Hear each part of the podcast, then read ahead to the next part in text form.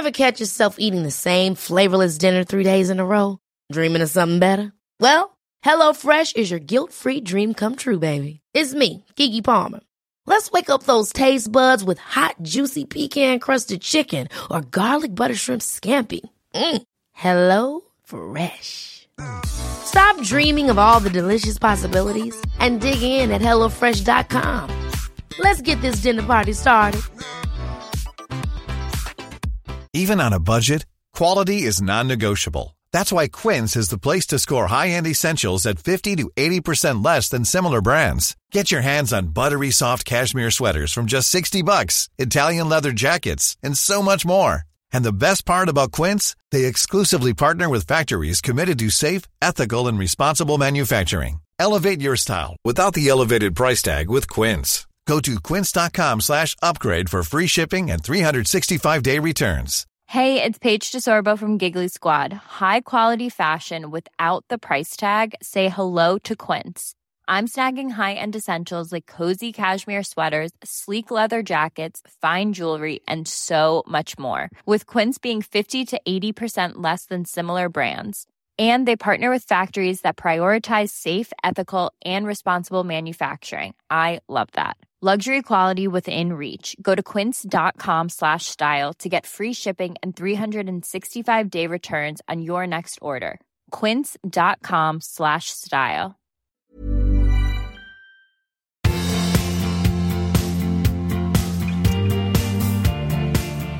Hej allihopa! Hej och välkomna! Ja, mycket välkomna. Ja. Det här tycker jag är nästan den viktigaste, det viktigaste avsnittet vi har gjort. Så känner jag. Ja, det kan det vara hittills, Mm. men det kommer fler. Det kommer fler. Mm. Så här är. Jag heter Marit Danielsson. Du heter? Jag heter Magnus Abrahamsson. Ja, och Skilsmässopodden, den har vi hållit på med i, i drygt ett år nu. Ja, faktiskt. Och det är ju en podd om, om separationer, men också om i bästa fall hur man får bättre relationer. Precis. Ifall man inte vill separera, hur fasiken gör man? Ja. Men också för de som, de som går och funderar eller som har separerat. Mm. Eh, idag så ska vi prata mycket om det här. Vad händer egentligen med förhållandet när barnen kommer? Mm. Och hur blir det när man har barnen? Ehm, vi har också idag med oss Louise Hallin som Exakt. du har telefonintervjuat. Ja.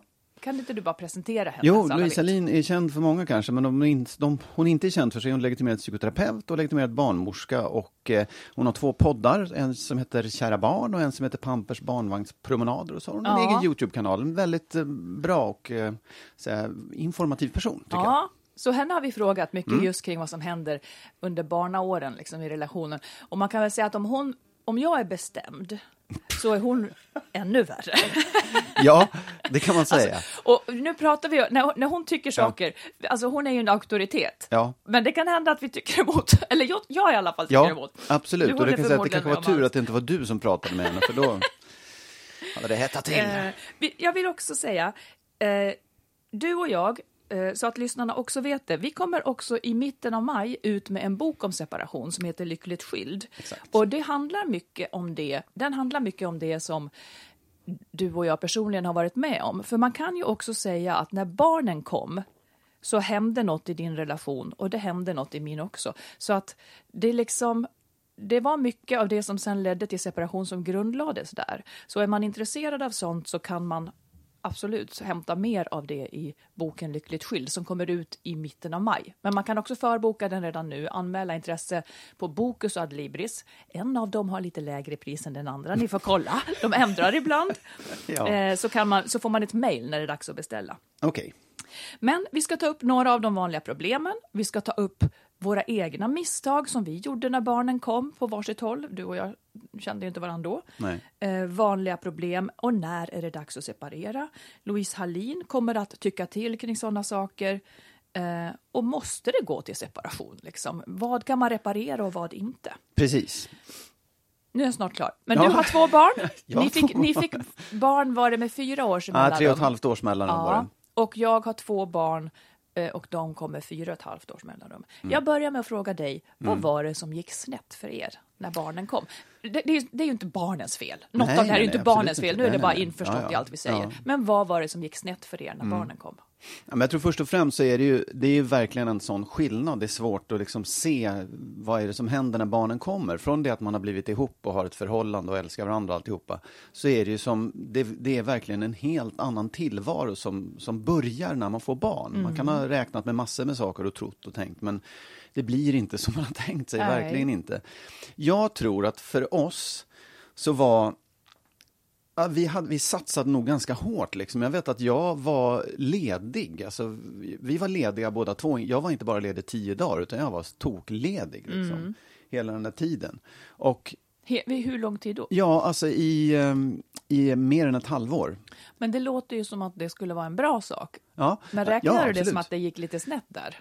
På sätt och vis så tycker jag det. Därför att det, det, det problemet som uppstod mellan oss var, tycker jag, hur vi skulle fördela den här tiden. För även om vi var närvarande hela tiden, då ska man också tänka på att vårt första barn, kolik, jag vet inte vad det var, men mm. han skrek väldigt mycket. Han var vaken på nätterna och hade mm. svårt att sova och sådär, som många barn är. Liksom. Många, kanske, kanske är det så för förstagångsföräldrar också, att man, man är osäker själv och för över osäkerheten till det lilla spädbarnet. Men han skrek väldigt mycket och vi hade svårt att vi fick inte sova på nätterna och istället för att då dela på det här så tyckte vi att vi bägge två skulle vara närvarande hela tiden. Ja, och för vår del så var det en, en ganska dum grej. För att absolut, man kan ju vara lediga bägge två, men man måste ändå dela upp den där tiden man har ansvar. Men menar du att om han skrek på natten så gick ni upp båda två? Det var inte så att ni turades om att gå upp, utan båda två gick upp? Ja, jag tror att det var väl inte det att Ingen någon... gick upp? Nej, men så här, att gå upp på natten, det är en sak, men vi vaknade båda två. Vi låg bägge två bredvid varandra med, med barnet i sängen också. Mm. Eh, eller i spjälsängen om det funkade, vilket det funkade. Men vad ledde det här till då, att ni inte delade upp Nej, det? Men jag tror att det, det ledde till att vi inte i, I och med att det var en jobbig period med, med lite sömn och väldigt mycket skrik, för skrik påverkar en ju. Det är, det är, liksom, mm. det är inte bara att han är vaken, han skriker och det är väldigt jobbigt. Det gjorde att ingen av oss fick någonsin vila, ingen av oss fick liksom någonting utanför det här, utan vi var tvungna, vi, vi, vi höll på med, med vårt barn hela tiden, alltså från mm. alltså dygnet runt mm. det, det, är lite överdrivet, men det var Kvar väldigt mycket. stod det mönstret sen? Ja, det, ja det, kvar, det hade ju varit hela tiden, liksom, så det ja. hade vi nog kvar. Mm. Vi ska komma tillbaka sen till det här med att etablera mönster. Mm, precis. Säg mer som, som du menar gick snett. Ja, men jag tror också att det, lite grann som jag sa, man hade en, en idé om, eller vi hade ett förhållande och vi hade en idé om hur livet skulle vara när vi fick barn. Mm. Och, och i och med att det blev på det här sättet så var ju det också en ganska stor besvikelse. Vi hade ju sett framför oss det där jollrande barnet och mm. liksom gulligull och, och vad härligt att få, få vara lediga tillsammans under den här underbara spädbarnstiden mm. kände vi. Och så blev det precis tvärtom. att vi fick ingen tid, vi, vi, liksom, vi fick inget utrymme, vi fick ingen tid för varandra, vi var bara trötta och irriterade och frustrerade och liksom mm. alltihopa bara sam, sammanföll i någon slags mm. ond spiral. Och det var, det var liksom, ja, det, det gjorde bara saken ännu värre. Hur blev ni mot varandra då? då? Ja, men vi, vi, vi gav inte varandra någon, något utrymme till slut. Alltså vi, vi, vi hade, det var så dumt. Vi hade bestämt oss för att vi ska vara tillsammans istället för att säga vi delar upp oss. Mm. Du tar måndag, jag tar tisdag, eller mm. hur man nu mm. delar upp det. Liksom. Mm. Och då, då kunde man ju heller aldrig ta det där utrymmet. Och varför delade ni inte upp er? Varför kommer ni inte på det? Jag tyckte att det, man skulle, jag vet inte faktiskt, det var någon slags idé om att det skulle vara så tråkigt att dela upp sig på det sättet. Att det skulle vara för praktiskt och oromantiskt? Ja, liksom. exakt, ja, exakt mm. oromantiskt. Och sen också att det till slut så blev vi ju lite oroliga för att ingen av oss skulle klara av det. Att, ja men jaha, jag kan inte lämna dig ensam för tänk Nähe, om du bla bla bla. Sådär. Men så egentligen så var det mycket er idé om hur det här skulle bli och era förväntningar kring alltihop, att det skulle bli mysigt och sen föll det bara. Mm. Var det det som gjorde ja, ett, ett av era problem. Liksom. Ja, absolut. Det var grunden till alltihopa. Ja. Du, Louise Hallin sa en rolig sak om det, mm. eller liksom en, en intressant sak. Kan inte du bara, kan vi inte ta det klippet där hon mm. berättar vad hon tycker att nyblivna föräldrar gör för fel? Mm. Absolut. Ja, men de har, I min värld har de fullständigt, ibland och åtminstone relativt mycket, fullkomligt katastrofala förväntningar på vad som händer när man får ett barn.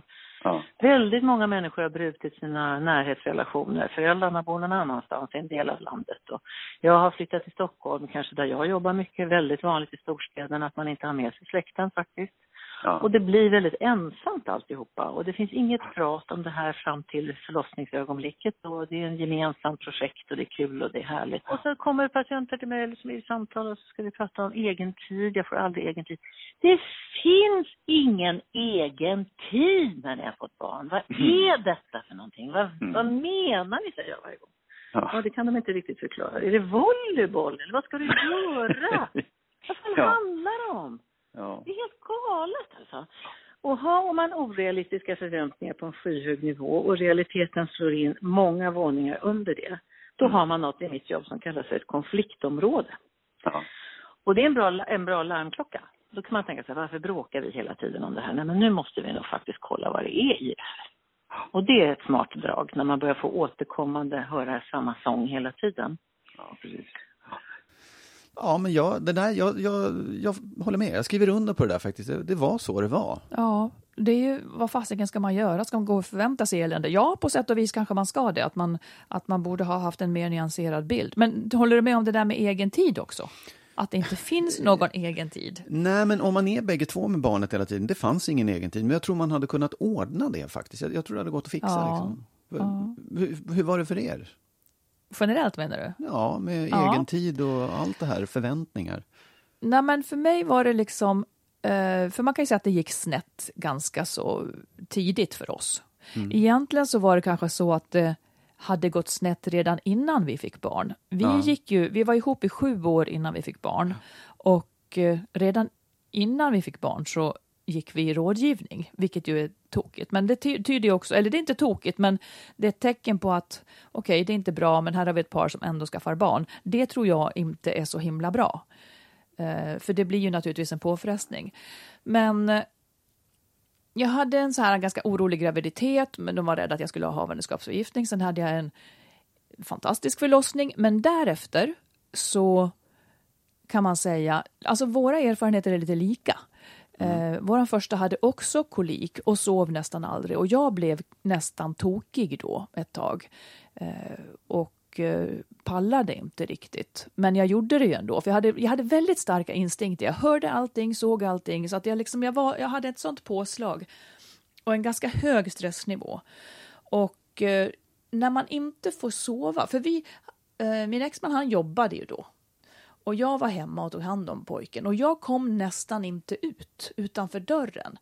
Och eh, alltihop det här blev att jag var så trött och när man är så här trött då tror jag att man ändå börjar strida om om att liksom få avlastning. Jag behövde avlastning och jag var helt beroende av min exman då för det. Och man kämpar liksom för sin överlevnad på något sätt och fightas. Och när det inte finns någon annan att fightas mot, då blir det ju den man delar barnet med. Så där började något för oss. Mm. Liksom en kamp om att, om att liksom hinna överhuvudtaget nästan äta eller hinna. Så det blev väldigt, väldigt mycket som lite grann blev fokuserat på problem. Det, mm. vi hade heller absolut inte en sån här mysig, stillsam grej, utan det var, det var på gränsen till panik, om ja, jag ska se ja. det nu. Det var lite så. Och jag är också, jag är också så här jämlikhetsrädd, att de mönster som man skulle etablera där, att de skulle kvarstå. Mm. Um, så det, det var mycket i det där jag inte trivdes med. Och ska jag säga något misstag som jag gjorde så tycker jag kanske att jag för tidigt nervade kring jämlikheten. Um, vi, gjorde in, vi delade upp ganska mycket, det gjorde vi. Vi delade upp. Men man kan ju inte dela upp när det är jag som har maten i nej, min nej, kropp. Nej. Det går ju liksom inte. Um, så att, nej, men jag tycker att det blev ganska så problemorienterat på något vis. Får jag fråga en sak? Ja. Det, du sa att ni hade problem redan innan och ni gick i, i mm. samtal och sånt där. Följde de med? Kunde du känna igen de problemen? Fortsatte de och blev större av att ni fick barn? Ja, eller blev på det sätt och vis. Så är det ju. För att det är ju då jag tycker att barn, när barnen kommer så stress, stresstestas ju liksom förhållandet. Det, blir, det sätts under press och då blir det ju de svaga sidor man har, de blir ju ännu större. Mm. Och som par hade vi tydliga svaga sidor och de blev ju ännu större. Ja. Så jag tror också att vi var i vi var i en lätt chock och det var verkligen så att, att pojken sov väldigt korta stunder och då kunde inte jag passa på att sova på 20 minuter. Det var ett enda hattande. Ja. Så att liksom, där händer ju något. Och det som jag tror är jätteviktigt och som kanske är lite avgörande, det är om man har avlastning eller inte. Det hade inte vi. Vi var ett Louise Hallin-par som hade flyttat till Stockholm utan mm. några, några man liksom kände och sådär. Så att det fanns ingen avlastning att få heller. Så jag minns det där som väldigt, väldigt jobbigt. Ja. Får jag fråga en till obehaglig sak? Naturligtvis. ja, men jag tänker på det. Eh, när ni, ni hade problem och skaffade barn, var det ett sätt att liksom komma ur problemen? Nej, eller, eller? det var det inte. Utan vi gick i terapi eh, med syftet att sen våga skaffa barn ja, ihop. Ja. Så det hade blivit bättre, tyckte vi. Men eh, det blir ju som att man faller tillbaka i någonting när man får barn också. För det, det pratade Louise om när jag pratade med henne, om att det är många som liksom använder det som ett sätt att, att liksom få en bättre relation. Ja. Och det är ju inte ja. någonting som hon rekommenderar Nej. i alla fall.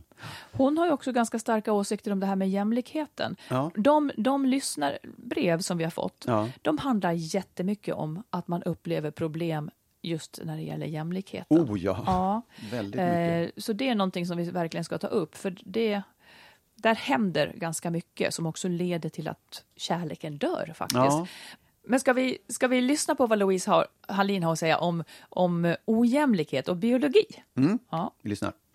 Och sen bor ju vi i ett jättekonstigt land, det enda landet i hela världen som med beslutsamhet ända ut i politiken har bestämt att det finns inte två kön utan alla är likadana, reagerar likadant, tänker likadant och upplever likadant.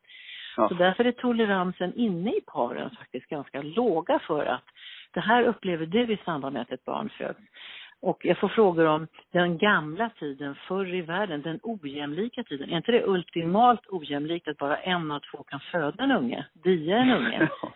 Ja. Gud vilka processer man borde ha för det där. Ja. Att få ett litet spädbarn betyder att den som föder barnet är otroligt aktiv, laddad, biologiskt och hörsamt och kommer aldrig mer i sitt liv att sova en hel natt ostört mm. nykter. Absolut inte. Och den andra parten, är inte det fantastiskt fiffigt om pappan som det vanligtvis handlar om inte är likadan funtad mm. och är som ett asplöv och lyssnar och far, far omkring och, och liksom är jättestressad och vakar och vakar och vakar och vakar. Det gör han också fast på sitt sätt. Och de olikheterna är till barnets favör och till föräldrarnas gemensamma bevakningsfavör. Men jag vet inte hur man ska få med, alla upplever ju det här. Alla ja, som får ja. barn vet att det är så här. Men man får inte prata om det, utan det är ojämlikt.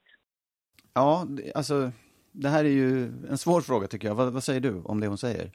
Nej, men jag håller med. Det är ju olika. Jag, jag, tänker mer och mer att det beror på olikheterna. Jag kände så tydligt när jag fick barn att jag var en stenåldersmänniska hör, liksom, och bara var till för mm. barnet. Men däremot att, att sen ta steget till, och det tycker jag att jag skulle kanske ha liksom stått ut med, eller inte i alla fall gjort till en belastning, för det var bara så det var. Men jag var så rädd att det skulle kvarstå, att jag skulle mm. ha ensamt ansvar. Men det som jag tycker inte riktigt känns bra, Liksom, låt säga att mannen ändå, okej, okay, han får sova hela natten, det kanske är smart. Men jag hävdar lik förbaskat att det är jobbigare att vara hemma med barn och vara trött än att vara trött och få gå till ett jobb. Där kan man åtminstone sätta sig ner och ta en kopp kaffe. Så på sätt och vis tycker jag inte riktigt att det där resonemanget stämmer. Eh, men jag tror att man får acceptera biologin. Det tror jag faktiskt. Ja. Men, men jag tycker också att om nu han får sova och får vara pigg, då tycker jag att den piggheten i alla fall ska landa i att han gör någonting för familjens bästa. Mm. Han kan inte bara gå omkring och... Jag, där, jag är rättvis en människa. Jag tycker det blir skitjobbigt om han då ska komma hem, slå sig ner och också då få färdig mat. Ja, absolut. Oh ja, det kan jag verkligen hålla med om. Men det tror inte jag alla håller med om. Nej, det tror inte jag heller. Nej, men jag tror också att det, att det är en fråga om att alltså, olikheterna finns. Det vore ju idioti att tro något annat, liksom. Att man, ja, att man skulle finns. ha samma uppgifter mm. i i barnafödande och, och uppfostran och ja, alltihopa. Det kan man ju inte ha. Men däremot så tror jag att vi måste anpassa oss till eller vi måste anpassa det här till den, det moderna samhälle vi lever i idag. Ja. Liksom att vi är olika, vi, vi har en annan både män och kvinnor arbetar, både män och kvinnor har ansvar för hemmet i stort och så vidare. Och det där måste man synka ihop på något sätt så att, så att det funkar. Liksom. Mm. För det, det tror jag heller inte att det gör.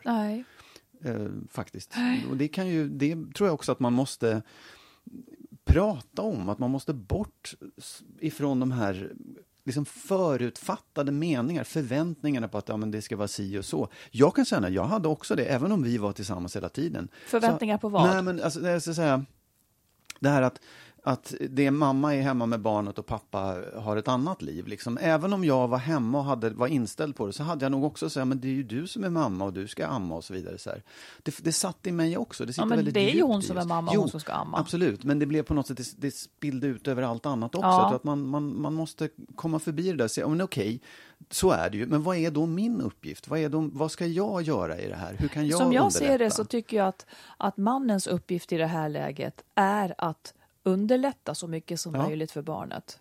Och, fam- och, och mamman. mamman. Ja, men det jag menar. Ja, ja. Underlätta så mycket för sin familj som möjligt. Alltså det vill säga göra allt eh, arbete kring familjen som behövs. Precis, och det där tror jag, det där måste man prata om. Det är där det går åt skogen. Ja. För att man, man glider lätt in i det där att ja, men du är ju ändå hemma. Ja, och ha, det är klart att har man ett väldigt, väldigt enkelt barn eh, och liksom har massa uppställ omkring sig, då blir det ju inte så betungande för henne. Då kanske hon hinner och orkar göra saker. Så ja. kan det verkligen vara. Men för väldigt många så är det betungande. Det är nästan så att det efteråt inte går att beskriva ens.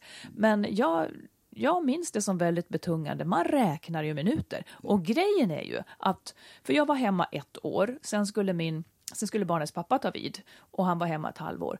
Då först förstod ju han och ja. det är därför, det, då räknade han minuter tills jag skulle komma hem. Han gick där och tappade hela sin identitet i liksom spyiga joggingbyxor och kom inte heller utanför dörren. Och så skulle han också ha hand om en grannes ungen då och då. Så han gick omkring med så här hörselkåpor för de var som, de, de, alltså han tålde det knappt. nej, och, nej, absolut. Och det är ju så det är. Så han, då förstod ju han. Och det tror jag är jätteviktigt.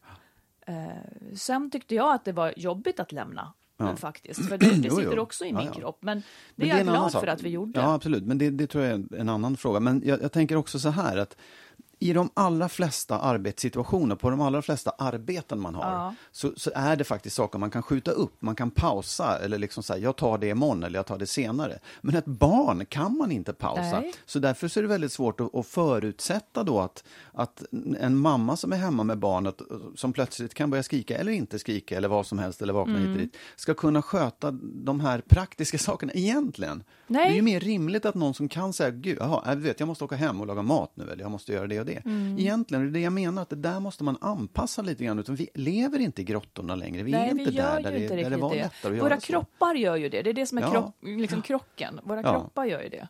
Mm. Det här får mig att tänka på de här läsarbreven, flera stycken som man ser en linje i. Nu ska jag läsa ett. Ja, men ja. Nej, men, och flera handlar om det här att när man då är i det här att man inte förmår dela rättvist så då tappar många kvinnor respekten för mannen. Mm, eh, så här skriver en. Hej, jag är mitt i småbarnsåren och försöker luska ut hur man ska hålla liv i förhållandet när man är megatrött. Jag känner att jag går från station till station för att tillfredsställa alla andras behov. Glömmer bort mig själv och blir mer och mer bitter. Eh, prioriterar mitt barn, men känner att jag inte har lust eller ork att vara fru. Hittills känner jag igen mig precis mm. allt. Eh, när barnet sover ska jag konversera, konversera med min man och försöka, försöka vara villig sexuellt för att förhållandet annars hamnar i gungning. Helst vill jag bara gå och lägga mig eller vara i fred och få tänka klart mina tankar. Slippa någon som tar på mig eller som vill bli lyssnad på. Kan vi bara stanna här? Jag blir upprörd att det ens ska behöva vara så där. Jag tror jag blir tokig. Ja, Men ja. fattar du? Ja, och det fortsätter med lite annat och så säger hon, kanske hade jag känt annorlunda om första året som förälder varit mer jämlikt. Jag tappade respekten för min man under den tiden, för det blev så uppenbart att vi prioriterar helt olika. Han var ofta på jobb och, och så mm, vidare mm. och hon fick ta hela lasset hemma då. Eh, så skriver hon, jag får mer tid över för mig själv när han är borta på jobb och jag längtar ofta till dess han ska åka nästa gång. Jag vet varken ut eller in. Blir det bättre när barnen är äldre? Kanske jag bara är trött och så vidare och så mm. vidare. Ja, men alltså, jag håller med. Jag tycker att det där är upprörande. Män som inte, förstår, som inte kan se att, äh, att frun eller liksom mamman till barnen mår Nej, men dåligt de beter och är ledsen. Sig, de beter sig väl bara som de alltid gör. Går till jobbet, kommer hem och förväntar sig lite mys. Ja, ja, det är ju, de det är ändrar hemskt. ju ingenting ja, då i så fall. Ja, eller så är det just det att man, inte, man, man, man är trött och man tänker inte själv, riktigt klart. Ja, men det är ju under all kritik. Ja. Jag bara försöker vara förstående, men det kanske inte är så. Nej, kan du förstå henne en stund då? Ja, nej, men så här, jag förstår henne verkligen 100 procent. Jag tycker mm. det, det, är liksom helt... Jag hade stuckit på en gång, eller på att säga, men det, det är ju... Nej, det, hade du inte nej, heller. men det, det är ju vidrigt, ett vidrigt För det är det här som är så hemskt. Ja. Att ens inre barometer när man får barn, liksom ens inre barometer, i, i, om man inte hade barn så skulle det ha sagt att Nej, men det här vill jag inte vara med, han fattar ju ingenting om vad jag Mm. behöver. Då skulle man ha stuckit. Men den naturliga, intuitiva grejen blir ju satt ur spel för att det skulle drabba en tredje part, nämligen Mm. barnet. Och det är det som är på något vis jag är på väg att säga den stora fällan. Man vill ju ha sina ungar, men för en relation så Mm. är ju det här där där mamman då uppenbarligen oftast upplever sig att hon står närmare barnet och begriper barnet bättre, vilket inte är konstigt för hon har haft det i kroppen. Där hon begriper barnets behov, men där, och därför så kommer hon i ett underläge i relationen. För hon kan inte, hon kan inte använda sina vapen och säga är du så här korkad så drar jag. För hon vet att det kommer att drabba det här barnet. Och därför blir det så svårt, för hon är i ett så taskigt läge. Jag tycker att jag själv var i det. Och jag, jag, jag tycker också att det är så jobbigt liksom att, att... För jag tycker ändå att även om man om det inte kan vara jämlikt när det gäller liksom det kroppsliga och vem som har fött och alltihopa det här och rollerna. Just att hon ska behöva känna så här att hon vill slippa någon som tar på henne. hon har någon som klänger på sig hela dagen och så kommer också en, en man som inte riktigt förstår. Jag tycker det är skitjobbigt. Och jag kan känna igen det. Inte, alltså min man var väldigt förstående, men, men just det här att man man tappar ju lusten för sex. Eller jag ska inte säga man gör det, men jag tror att många gör det i alla fall. Och för vår del blev det mer som att, och, och jag tapp, just eftersom jag inte kunde känna att vi delade lika. Jag ska säga att det blev mycket bättre när barnen blev större. Så är det. Då kan det bli bättre. Men det var också grejer som jag liksom nästan, ja man tappar lite respekten på något sätt. Och då, då är det också svårt att ha lust att ha sex, att man kanske blir mer som syskon. Ja, nej, men jag, jag, jag förstår, jag, jag fattar det precis. Jag bara, jag, jag, det, min fråga var snarare så här, är det så att 80 procent av männen är dumma i huvudet? Vet inte. För, därför att det låter ju, om man, om man har, om man kommer hem och har en, en mamma till barnen, oavsett om man är gift eller inte, en partner Mm. som mår dåligt och uppenbarligen inte liksom vill ha någon fysisk kontakt. Och det kan man ju förstå, det är ju inte så konstigt att man ändå ställer kraven. Det tycker jag låter som en, en helt vansinnigt. Men det är ju lite så, tycker jag. Det är helt vansinnigt. För att allting, och där ifrågasätter jag på något vis för det är ändå så att mannen och samhället och kanske också kvinnan tycker att egentligen ska man ha sex. Man möjligt. uttrycker hela tiden att- som att man egentligen, det är liksom defaultläget att man har sex. Men det är ju bara för att om hon inte vill, varför gör man det till det som är ett undantag? Det kanske, vill man inte så vill man inte. Men det är återigen ett sånt, här, ett, ett sånt här systemfel där det är hon som ska förklara sig och hon som ska... Det kanske bara är han som ska låta bli. Alltså förstår du att, att det är Ja. så det ska korrigeras. Men alla känner nog det där och det, det finns ju råd. Eh, Louise Hallin säger också eh, att det är viktigt med liksom sexlivet. Och hon säger det på ett väldigt klokt sätt. Eh, vi tar det snart, men jag måste bara först... Alltså jag vill ändå ifrågasätta det där, för om hon inte vill, vad har man då sex för? Tänk om, om man nu hänvisar till att kroppen vet det här. Om hennes kropp vet att hon inte ska, det kanske är för att kroppen vet att nej, jag ska inte vara gravid igen och jag är ömtålig nu och jag ska inte hålla på med det här, jag vill ju inte. Eller så vill man bara inte. Nej, att man vill inte. Och kroppen kanske säger det också. Ja. Den säger ju det. Hon är Ja. trött. Hon behöver tid för sig själv. Ja. Ja, jag blir upprörd. Men kan vi inte lyssna på vad Louise Hallin säger? Ja. Ja, för de tecken du frågar efter som där är oroväckande, det är ju att man, att man helt och hållet stänger av sin sexualitet och lever asexuellt. För då, då händer det ofta jättetråkiga saker. Alla kramar uteblir, för tänk om det blir mera, för det vill inte jag. Allt gosande, all omfamning, all hudkontakt stryker man för att nej men jag vill ju inte ha sex och då blir det ingenting och ingenting. Så då blir det alltså torftigt så det är inte klokt. ja, precis. Ja, alltså hon säger ju att man, om, om man inte, eller det är så här, om man inte har sex så blir ingen ömhet och ingen, Mm. ingen, ingen kontakt och så. Det är också galenskap. Kan du liksom. känna igen det från ditt förhållande? Inte riktigt på det sättet. Inte som att det var för att vi inte hade sex om vi inte hade någon närhet. Det känner jag inte riktigt igen. Eh, men för att jag tycker att om man backar och, stä- och istället säger så här, men ömheten och närheten och, och gosandet, det kan ni väl försöka behålla. Och sexet, det kan ni ta sen när, när det är läge. Liksom. Men, men behåll närheten. Men förstår du ändå. hur det blir? Ja, absolut. Eh, för för det där, jag känner igen det där så väl, för att det blir ju lite så att varje gosning då, om en man då som har, jätte, som har jättelust att ligga, för han har ju inte fått barn, eh, om han då börjar gosa så blir det ju lätt att han blir sugen på sex. Ja, det är ju också en förutfattad mening. Nej, Nej, men, ja, den, fast då- den har jag, men den, den tror jag Ja, på absolut, men, men så måste det ju nödvändigtvis inte vara. Och även om man nu skulle bli sugen på sex så måste om man ju inte ha på, sex. Om man tänker på majoritet, för majoriteten så är det ju så.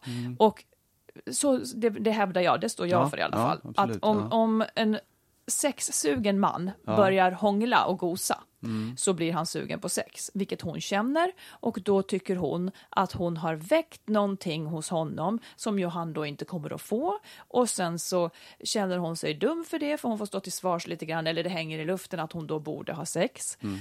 Eh, och om hon inte ville det så var hela det här liksom dumt att, att ens börja gosa. Så det som då händer är ju precis som Louise Hallin säger, att man drar sig för eh, till slut så tappar man ju då också närheten för att hon vill inte ge närhet för att då kommer hon att väck, väcka hans sexlust. Och det är ju ett stort då är det ju en till dålig sak som händer Absolut. naturligtvis. Ja, Men, men jag vet ja, heller ja, ja. inte riktigt hur man ska lösa det. Nej, men jag tror att lösningen är att man pratar om det. För att jag, jag är inte helt säker på att alla män absolut måste ha sex när de börjar gosa.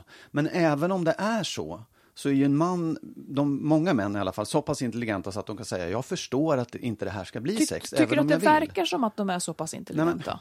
Ja, det, jag tror att man inte pratar om det, så att det är det som är problemet, att man faktiskt inte kommunicerar om det här, att man kan säga så här tydligt, jag, jag vill jättegärna vara nära dig och jag förstår om du vill ha sex, men vi, det kommer inte att bli. Liksom. Ja, men då kan en man säga absolut, jag är med på det, Mm. det är möjligt att jag vill, men jag förstår att det inte blir någonting. Det, det, Ja, det jag måste tycker också till, det. man måste, att man måste prata om det. Jag, jag, det skulle jag också kunna säga så här i efterhand, att det är bra att prata om det. Att Mm. man skulle våga säga det. Att fan, jag, jag har ingen sexlust. Det Mm. får vara så här nu ett tag. Och i bästa fall så kommer det tillbaka. Ja, för jag tror nämligen att då kan man liksom vända på det och börja i ömheten och närheten. För den tror jag i alla fall att man vill ha. Liksom. Du vill vara nära och du vill kunna gosa och kela och allt det där. Men du vill inte gå vidare. Och Eller så är hon arg på honom och vill inte ens gosa och kela. Nej, och då tror jag, då kan man inte ens prata om sexualitet, utan då är ju problemet mycket större än så. Då handlar det inte om närhet, Nej. Mm. då handlar det om någonting annat. Och det, då, då får man börja i den änden snarare, tror jag. För att Mm. det är liksom, det, sex och sånt, det förutsätter att man är överens och tycker om varandra Mm. och vill liksom, ha respekt för varandra. Annars så går det ju överhuvudtaget inte. Liksom. Och då hamnar man, då, då, då blir ju egentligen ett råd att man skulle behöva liksom gå i, i terapi för helheten egentligen. Eller för att man hinner ju heller inte, eller orkar kanske inte under de här åren strukturera upp sig så pass så att man eh, så att man kan lösa alla problem. Jag tycker att man behöver ofta hjälp då. Absolut, oh, ja, visst. Och bara, bara man liksom ser vad problemet är. För pro- Ja, men problemet... man kanske inte ser det, men Nej, man kan få vet. hjälp att ja, se men det förstår då. Du? Det är det jag menar, så här, man tittar på, åh, det är problem att vi inte har sex. Ja, men sex har ni inte för att ni har ett problem. Så att det finns någonting som ligger Mm. Precis. Mm. före det tidigare. Och Det är viktigt att hålla koll på. Och då, då hör man ibland så här att en kanske inte är så sugen att gå i terapi. Ja. Då kan man gå själv. Ja, faktiskt. Ja, Det är inte alls dumt. Man kan göra det. Nej, och då kan man också kanske igenom det hjälpa den andra att, att våga gå eller vilja gå med en Mm. Och jag vet också att det är många som bor till exempel på mindre orter som tycker att det känns jobbigt att gå i rådgivning för att det forts, fortfarande är liksom det är lite pinsamt eller någonting. Och på en liten ort så kanske folk får veta det på ett annat sätt. I Stockholm där vi bor, där, där går ju alla i rådgivning det är, och terapi. Det är, det är liksom... Ja, inte alla, men det är vanligare. Nej, verkligen inte. Men det är ingen som, man, man hymlar inte med Nej. det. Många är öppna med det. Men där tänker jag också att om man bor på en mindre ort, att man kanske ska bestämma sig för att ja, då får de väl tycka något då. Ja. Att, att det är inte hela världen. Liksom om någon kommer på det, vad, vad kan hända liksom? Nej, men det är väl Då också får de att man... något mer att prata om bara. Ja. Jaha, Olssons går i, i terapi såg jag. Nej, men det är ju lätt att, att säga att man ska ändra på sig, men man kan ju också tänka att det, de här personerna har ju tystnadsplikt och man behöver inte visa upp att Nej, man går men det heller om man att, nej, men det kan ju vara att, att grannfamiljen Ja, sitter ja, i ja. väntrummet. Ja, ja. Och då känner man Ja, den. det gör man de inte i Stockholm. också. Jag vet. Men att de ser när man går, ja men det, det känns lite, det är lite jobbigare på en mindre ort. Men jag tycker man ska ta den då i så fall. och jag tycker också man ska Vi se det alla i som samma att... båt, liksom. Ja, nej, men om man är förkyld så går man till doktorn och har man ont i huvudet och hit och dit. Det är samma sak med det här, man går till en, en, en terapeut när man behöver hjälp. Så är det Ja. bara. Ever catch yourself eating the same flavorless dinner three days in a row?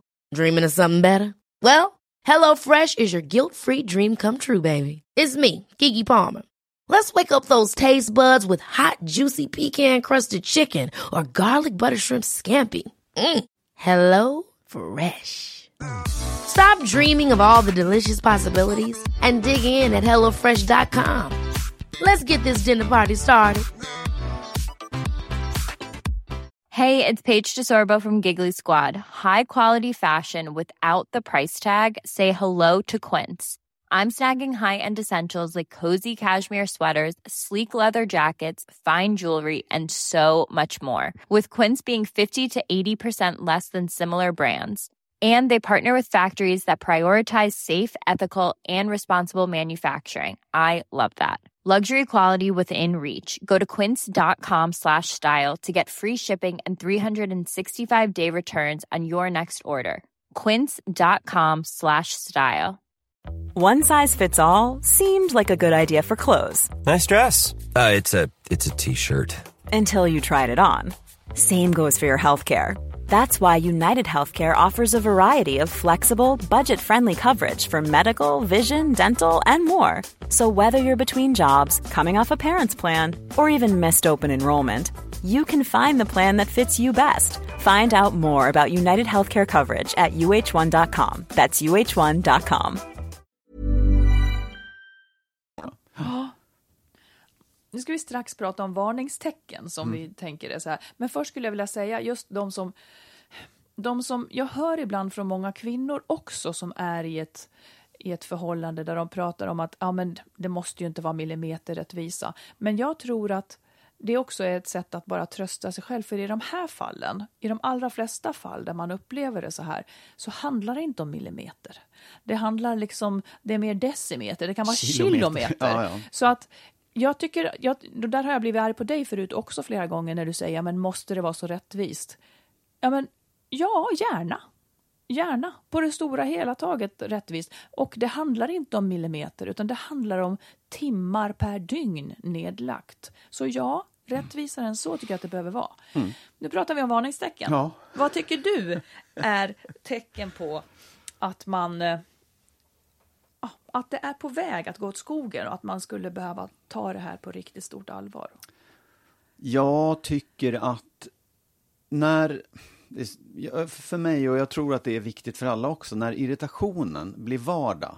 När, när man känner att det är liksom mer irritation än, än, än kärlek och tycka om. Att man, att man går ifrån varandra och fortsätter irritationen om hon var, s- nu har hon varit dum och jag är så trött på henne och sådär.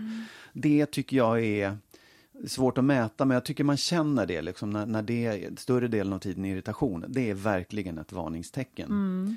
Tycker du att det gäller även för att det blir ju lättare, eller barnen sätter ju mindre och mindre press ju äldre de blir ofta. Ja.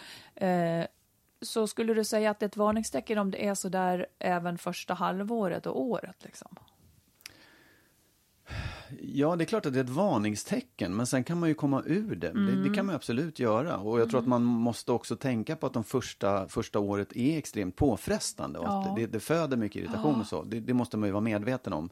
Men man måste ändå hitta de där stunderna av, av kärlek och ömhet. Det, det tror jag är viktigt. Att man, att man, att, inte bara att man gör, utan att man också känner det. Ja. Ehm, ja. Jag, har, jag tror flera saker är varningstecken. ja, säg. Nej, men jag tror också att det är när man inte, och det kanske sitter ihop, när man inte vill ge sin partner någonting. Mm. Och det är inte presenter, Ja, utan det. då, då är det Mm. just så här, ömhet och kärlek. Eller, eller göra, liksom ge Tid. Mm. något snällt som, som du ska få säga sen, när du ska göra något snällt för mig. Vad gör du? Nej, men för det finns i det, att, att vilja uppoffra sig, eller vilja, åh, jag, jag bakar en extra god eh, toskakaka idag, eller jag, jag har eh, flätat ditt hår eller gett dig massage eller något sånt. När man inte vill göra någonting för sin partner. För så blir det väldigt lätt tror jag. Nej, nej då, ska jag, då, då tar jag hand om barnet eller då gör jag de sakerna som jag ska bara. Det där är också ett varningstecken att man, att man börjar bli snål med sig själv. Ja. Ehm, sen tror jag också ett varningstecken till det är när man börjar känna att det vore lättare om man var själv. ja, du tycker att det är ett Ja. varningstecken? Ja, det tycker jag Ja. faktiskt. När man känner det under en längre tid. Och allt det här är ju under en längre tid. För det är klart att det uppstår konflikter och korta stunder av Mm. irritation och allt möjligt. Men, men när, när, det, när det liksom tar, upptar ens tid. Mm. Vad säger du? Nej, men jag tycker att det är varningstecken. Liksom, första tiden med ungarna, det är ju undantagstillstånd. Men sen så blir det ju, när det ändå är så att tillvaron är en kamp och i väldigt många år. Jag är ju lite så här segt lagd om man håller på i några år. Liksom. Men det behöver man inte göra. Men när det är hela tiden en kamp, och jag tycker att jag själv såg det där för sent. Eh, det ska inte bara vara en kamp, utan det ska också vara en familj ska på sätt och vis ha en stor dos härlighet. Liksom. Ja. Eh, Det är inte härligt när barnen är riktigt små, men det, det behöver nog bli lite härligt sen. Och sen är det såklart varningstecken om man inte känner sig trygg eller om man är orättvist behandlad på, på liksom flera vis. Där, där kickar ju den in. Men om, om liksom... Ja, det är någonting med det här. Om det inte blir bättre. Louise Hallin har också några varningstecken. Kan vi lyssna på dem? Ja, för det första så är det, tycker jag, en, ett mycket farligt och oroväckande tecken i parrelationer. Det är när samtalet har släckts ner. När man, man mer har anklagelser och tystnad än man har att mötas samman, att samtala, tala samman. Och eh, där man har fler anklagelser än frågor till den andra parten. Alltså. Att, man, att man har eh, orden varför och du kopplade till varandra. Det är åklagarens bästa redskap. Och det är någonting som är förkastligt i mellanmänsklig kommunikation. Och, eh, och sen eh, att den emotionella kontakten, att man inte emellan allt som man inte tycker att man orkar och hinner ändå har ett skratt på lut och eh, kan se saker och ting och bryta sig loss och gå på krogen någon gång i- om året. Ja. Och ta en promenad på kvällen utan att riskera barnens liv och sådana där saker. Eftersom alla är så oerhört trängda innan barnen kommer i sina liv. Det finns ju liksom ingen lucka av tid för barnen. Så blir det ju en enorm påfrestning för väldigt många system. Och hänger man på då och säger så här, "Nej, nu måste vi bara lägga ner det där och där, det här funkar inte. Och sen är det ju en övergående tid, alltså det verkar föräldrar inte ha någon känsla för. Jag kommer ihåg att jag själv hade dåligt med känsla för det, så det blir ju bättre. De blir ju större, det händer ju saker. Ja, men jag förstår precis. Och det är klart att liksom när det blir så där att man inte har något trevligt och samtalar, utan det mest blir anklagelser. Det är klart att det är ett varningstecken. Jag tycker inte riktigt att man ser det när man är i det. Att, att, ja, jag, jag såg det i alla fall inte, för att jag tänkte att jag ifrågasatte inte riktigt förhållandet, utan ville bara att det skulle bli bättre, men jag ifrågasatte inte förhållandet. Nej. Ja, men det- man kanske fastnar i det där att man, att man plötsligt ser ett hot ifrån den andra, att den andra blir ens motståndare istället Ja, för ens medspelare. ja. Och det är väl det som är det stora problemet. Precis. Och det är väl där jag menar också, att det här, då, då har man ju plötsligt inte en person som man vill göra någonting gott för, utan då, då är det en, ja, Det en, blir ett ett hot. litet liksom. krig, ja. ja det, det, nej, det blir inget bra. Det är ett krig för att resurserna inte räcker till, så då Ja. måste man slåss om dem, och Ja. det, är, det är jobbigt. Jag tänker också på det här att man liksom, det du sa förut också, att man, att man fastnar i, i elände på något sätt. Att, jag tycker att idag, du och jag, vi kan ju ha gräl, vi kan ha bråk och sen kan vi lyfta blicken från det och nästan skratta åt oss själva i det där.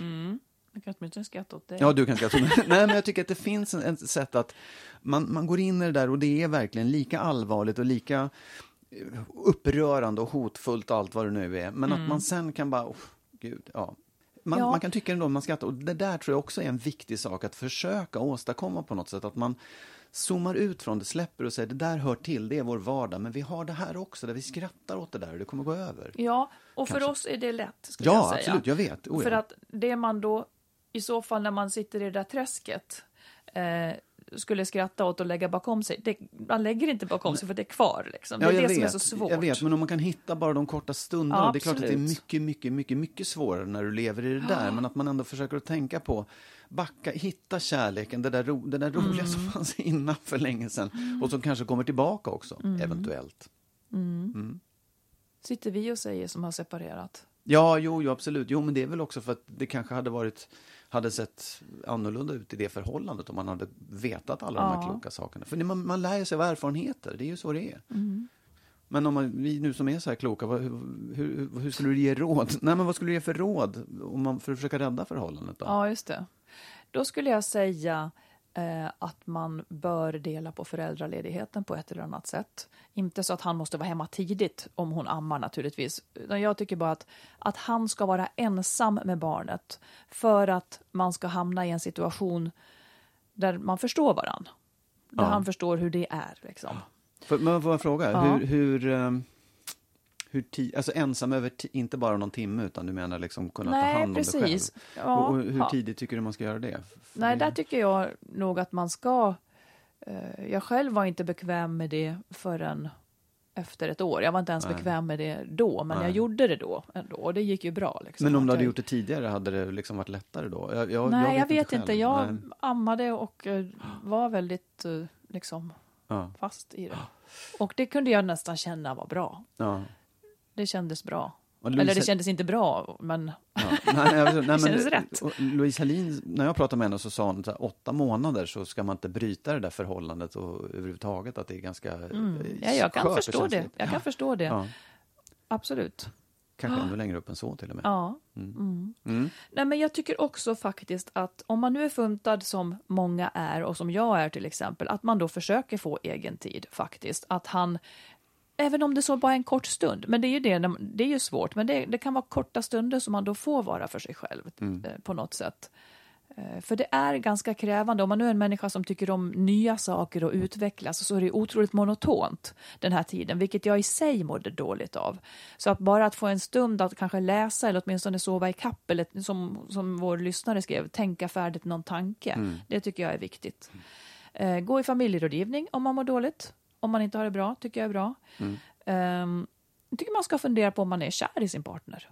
Ja, Eller om det faktiskt har ja, lite grann bara se sanningen i vitögat. Vad är det som händer här? Liksom, Så att man inte tolkar situationen fel. Jag tror också att man ska prioritera sömn.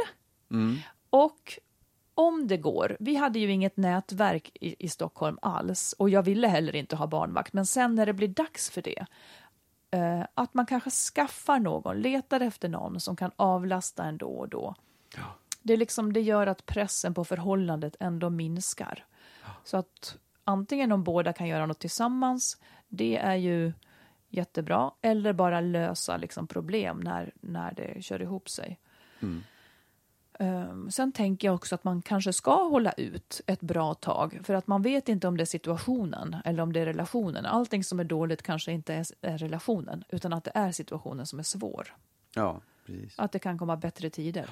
Men eh, man ska inte permanenta ett dåligt tillstånd. Om, om man håller på för länge så någonting måste ändras ju. Mm, vad tänker du? Nej, men jag tänker så här, det är ju, när, du, har ju, du säger ju utifrån ditt perspektiv, mycket, Ja. vilket ju är självklart. Ja. Och, eh, och jag tycker också man kan vända på det och säga att ja, eh, dela på föräldraledigheten, absolut. Och lite grann lite det du sa också, känn efter när, när, när det är läge, när mamma kan sluta amma, när, när, när man som man verkligen kan göra det utan att det känns svårt eller jobbigt för, för eh, ens partner. Liksom. Och sen tror jag också att det att man som man också ska tänka på att det är inte bara män som behöver egen tid. Du kommer att få det lite till höger och vänster, utan du måste erbjuda det. Du måste verkligen vara aktiv i det. Därför att, Er, erbjuda mamman det? ja precis, så här, var noga med att så här, nu får du gå härifrån, eller nu är det min, nu, nu kommer jag gå ut och gå med barnvagnen eller Ja, någonting. precis. Det och sätt det i system. För jag tror också så här, att man måste tänka på att ni är ni samarbetar kring det här. Mm. Och du som man måste liksom, för att du nu, om du nu vill ha en glad och check fru, Mm. så, så måste du ge henne någonting också. Då måste du ge henne egen tid och allt det där. Jag, jag tror inte alls, ja, där måste jag säga emot Louise Alin. Jag tror att det är viktigt med egen tid. Ja, jag, jag tror att tror det går också att det. få. Mm. Däremot kanske inte eoner och, och veckor i sträck. Liksom. Och sen tror jag också att det är så här, prioritera sömn. Ja, och det gäller bägge två. Det är även där så att du måste som man, och det gjorde jag fel. Jag skulle ha tagit liksom, gått iväg eh, en natt här och var och sagt nu, nu, nu tar jag det här i, i åtta timmar i sträck och ge mig mjölkersättningen och så att du får sova. För det hade hjälpt oss bägge två. Ja, jag liksom. förstår. Ja. Så, att, så jag menar, det finns ju, det finns ju eh, det finns ju perspektiv på det här. Den, kvin- den kvinnliga pers- mammans perspektiv och pappans perspektiv. Där man som pappa kanske måste vara lite mer aktiv och vara lite mer eh, så här, man ska säga, strukturerad i det här och tänka Ja. lite mer. Och vara Göra lite det mer, som en plan. Ja, Ja. praktiskt Mm, lagd. Därför det, det har man ju möjlighet att göra då. Bara som ett råd. I andra fall så brukar du säga så här, om man nu tänker när är det dags att lämna? I i andra fall så brukar du, lite lättvindigt tycker jag då, säga att eh, om man inte älskar varandra längre, då, det tycker du är ett skäl att lämna. Ja. Säg hur du ser på det i det här sammanhanget. Nej, men det är ju, jag tror att det är... Det, det, hur vet man det? Det är en svår fråga att och liksom, alltså säga nu älskar jag inte dig längre. För det kan ju gå i vågor av, av att man inte är så förtjust i Ja, sin och när partner ska man längre. dra slutsatsen att det Nej, inte var en finns, våg? man, kan, man kan se att det är under en längre, längre period, att man aldrig hittar tillbaka till det där. Och, och när man gör det så är det ändå med ett visst motstånd. Mm. Det är egentligen en dum sägning, därför att det är klart att man älskar sin partner egentligen hela livet på något sätt. Jag Mm. älskar ju min exfru idag, även om jag inte älskar henne på det sättet. Men, men att jag vet inte vad jag ska kalla det för, det, men när man känner att den här viljan att fortsätta tillsammans inte finns kvar överhuvudtaget. Att man verkligen känner att Bör man lämna då, tycker du? Ja, bör. Jag tycker att det då är det verkligen ett starkt skäl att börja så här på riktigt ta itu med hur skulle det se ut om vi separerade och se om det är den bästa lösningen. Sen kan ju det ha gått kort tid eller lång tid innan man kommer fram till den punkten. Men, men har man inte viljan att få det här förhållandet att funka, få ge ens partner kärlek och allt det bästa, ja, men då är det nog inte så bra att fortsätta heller. Nej. Jag tänker också att, att om man har försökt väldigt länge på många sätt för att förhållandet ska bli bättre så, och det inte händer, då tror jag också till slut att man ska se sanningen i vitögat, zooma ut och titta lite på det. Tror jag på allvar att det här kommer att kunna bli bättre? Och det har ju inte att göra med barnen nödvändigtvis, utan det har då också att göra med vilka personer har vi nu med åren blivit? Så det är ju samma fråga som vanligt egentligen. Men barnen barnen tar så mycket uppmärksamhet en- under några år så att man ser kanske inte det där heller. Men när man Nej. zoomar ut och ställer sig frågan, tror jag på det här? Tror jag att vi kommer att få det bättre? Att vi kommer att kunna sluta gräla om de här sakerna eller sluta ha de här strukturerna jag tr- vantrivs med? Om man inte längre tror på det, då är det kanske dags att börja fundera. Nej, och jag tror också att man, det finns ju, man får ju liksom jobba både med känsla och med tanke i det här. Därför att det, det är ju alltid, man kan, jag kan ju känna att jag vill lämna dig ibland också när jag är riktigt arg. ja, men så här, man, man, har, man, man går upp och ner i sitt känsloläge och det finns en massa tankar kring det här. Men, men det, det måste finnas, när man har barn så är det klart att, som vi har sagt hela tiden, påfrestningen är väldigt hög och det är kanske väldigt ofta man känner jag orkar inte, jag vill inte ha det här och så vidare. Och jag kan också tänka att just i det fallet så kan man nästan säga så här, nu måste jag, vara, nu måste jag använda hjärnan och liksom intellektet mycket mer och tänka att det är jättejobbigt nu, men det vet alla att efter ett antal år, jag vet inte, det beror ju på barnet såklart, så kommer det här att bli bättre. Och att man åtminstone kan kanske vänta ut den perioden. Sådär. Jo, för jag tycker också det, att när barnen har kommit så... Jag vet inte, men jag tycker att... Och jag tror att de flesta kämpar ju. Jag höll på att säga att jag tycker att man, på sätt, att man har ett ansvar då att kämpa lite mer. Och det tror jag verkligen att de flesta, flesta gör. Ja. Men nu, nu är det ju ändå så att vi har kommit fram till och undersökare har kommit fram till att det behöver inte bli sämre för barnen om föräldrar separerar, om man separerar på ett bra sätt. Så att man ska ju inte heller dra sig för det av, av skälet att barnen kommer att få det dåligt. Men man får kanske vara medveten om att det är svårt i början och att det kan bli bättre, för de blir ju äldre liksom. Ja, absolut. Jag, jag funderar också så här på, för att det, det är klart att, att en skilsmässa, då, då, då är det det är yttersta konsekvensen mm. på något sätt också. Men jag tänker att när man har det väldigt jobbigt och man märker att det är jobbigt just för att man har små barn och man tycker att man bara hamnar i fiendskap hela tiden. Att man i så fall skulle kunna bo isär ett tag, alltså inte tvingas bo ihop. Mm, jag förstår. För, vad menar du? Nej, men jag tänker så det är klart att man inte, alla kan ju inte skaffa två lägenheter och bo isär, Nej. men att man åtminstone kan säga nu kommer jag att bo hemma hos en kompis eller hos mormor, om det nu går, det är klart att och tänker att barnen är kvar då Ja, då har en bor mm. ensam, får känna på det här, men det går ju att vara ensam med barnen, ja, man kan förstår. ju vara ensam förälder mm. ett tag. För att både då få känna på hur det är att mm. vara själv med barnen och att den andra då parten får en, en liksom, jag kallar det för vad du vill, en egen tid. Man får en hur paus är det att vara utan barnen också. Ja. Mm. Mm. För att, ja, det är inte ett nederlag utan det är snarare ett sätt att hjälpa upp den här jobbiga perioden som man har när man kommer för nära varandra i det också. Mm. Jag, jag, kan ändå säga vad bra det vore om man kunde dela upp det så tydligt på något sätt. Ja. Känna på det. Mm. Bara ett tips. Ja. Ja. Nej, men och innan vi slutar så tänker jag också att om man nu hamnar i det här att eh, man verkligen funderar på separation och inte har gjort det än, så har, man kan ju lyssna på flera av våra avsnitt där vi tar upp hur vi eh, gjorde när vi berättade för barnen, hur processen såg ut när vi separerade och så här, på gott och ont. Vi hade ju väldigt olika processer, du och jag. Ja. Men, och, och, det här beskriver vi också i vår bok som kom, Lyckligt skild, som inte finns än, men som kommer snart. Men eh, så att det finns ju liksom, ni kan gå in i olika avsnitt och lyssna på olika skeden av det här ifall ni vill höra mera. Men en sak tror jag både du och jag tänker, det är att om man nu separerar, att man får komma ihåg då att den här människan man skiljer sig från, den ska ändå vara ens samarbetspartner resten av livet. Mm. Så att man gör det så bra som möjligt. För då kommer också barnen att må så bra som möjligt. Ja. Mm. Bra Marit. Ja, bra Magnus. Men eh, vi önskar alla lycka till och stort tack för att ni lyssnade. Och ni får jättegärna höra av er och ni är alltid anonyma när ni skriver brev och så vidare. Mm. Vi läser aldrig upp namn. Man mejlar till info skilsmässopodden.se. Ja, eller så kan man, om man har Facebook kan man leta upp vår Facebook-sida Skilsmässopodden, för där kan man också faktiskt mejla anonymt. Ja. Mm. Mm.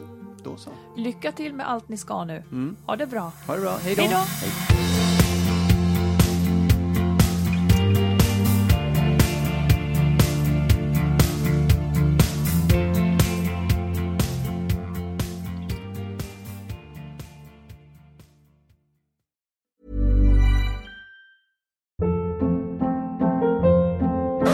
Hold up. What was that? Boring. No flavor. That was as bad as those leftovers you ate all week. Kiki Palmer here, and it's time to say hello to something fresh and guilt-free. Hello Fresh. Jazz up dinner with pecan-crusted chicken or garlic butter shrimp scampi. Now that's music to my mouth. Hello Fresh. Let's get this dinner party started. Discover all the delicious possibilities at hellofresh.com. Planning for your next trip? Elevate your travel style with Quince. Quince has all the jet setting essentials you'll want for your next getaway, like European linen, premium luggage options, buttery soft Italian leather bags, and so much more. And is all priced at 50 to 80% less than similar brands. Plus, Quince only works with factories that use safe and ethical manufacturing practices. Pack your bags with high-quality essentials you'll be wearing for vacations to come with Quince. Go to quince.com/pack for free shipping and 365-day returns. Hi, I'm Daniel, founder of Pretty Litter. Cats and cat owners deserve better than any old-fashioned litter. That's why I teamed up with scientists and veterinarians to create Pretty Litter. Its innovative crystal formula has superior odor control and weighs up to 80% less than clay litter. Pretty Litter even monitors health by changing colors to help detect early signs of potential illness. It's the world's smartest kitty litter. Go to prettylitter.com and use code ACAST for 20% off your first order and a free cat toy. Terms and conditions apply. See site for details.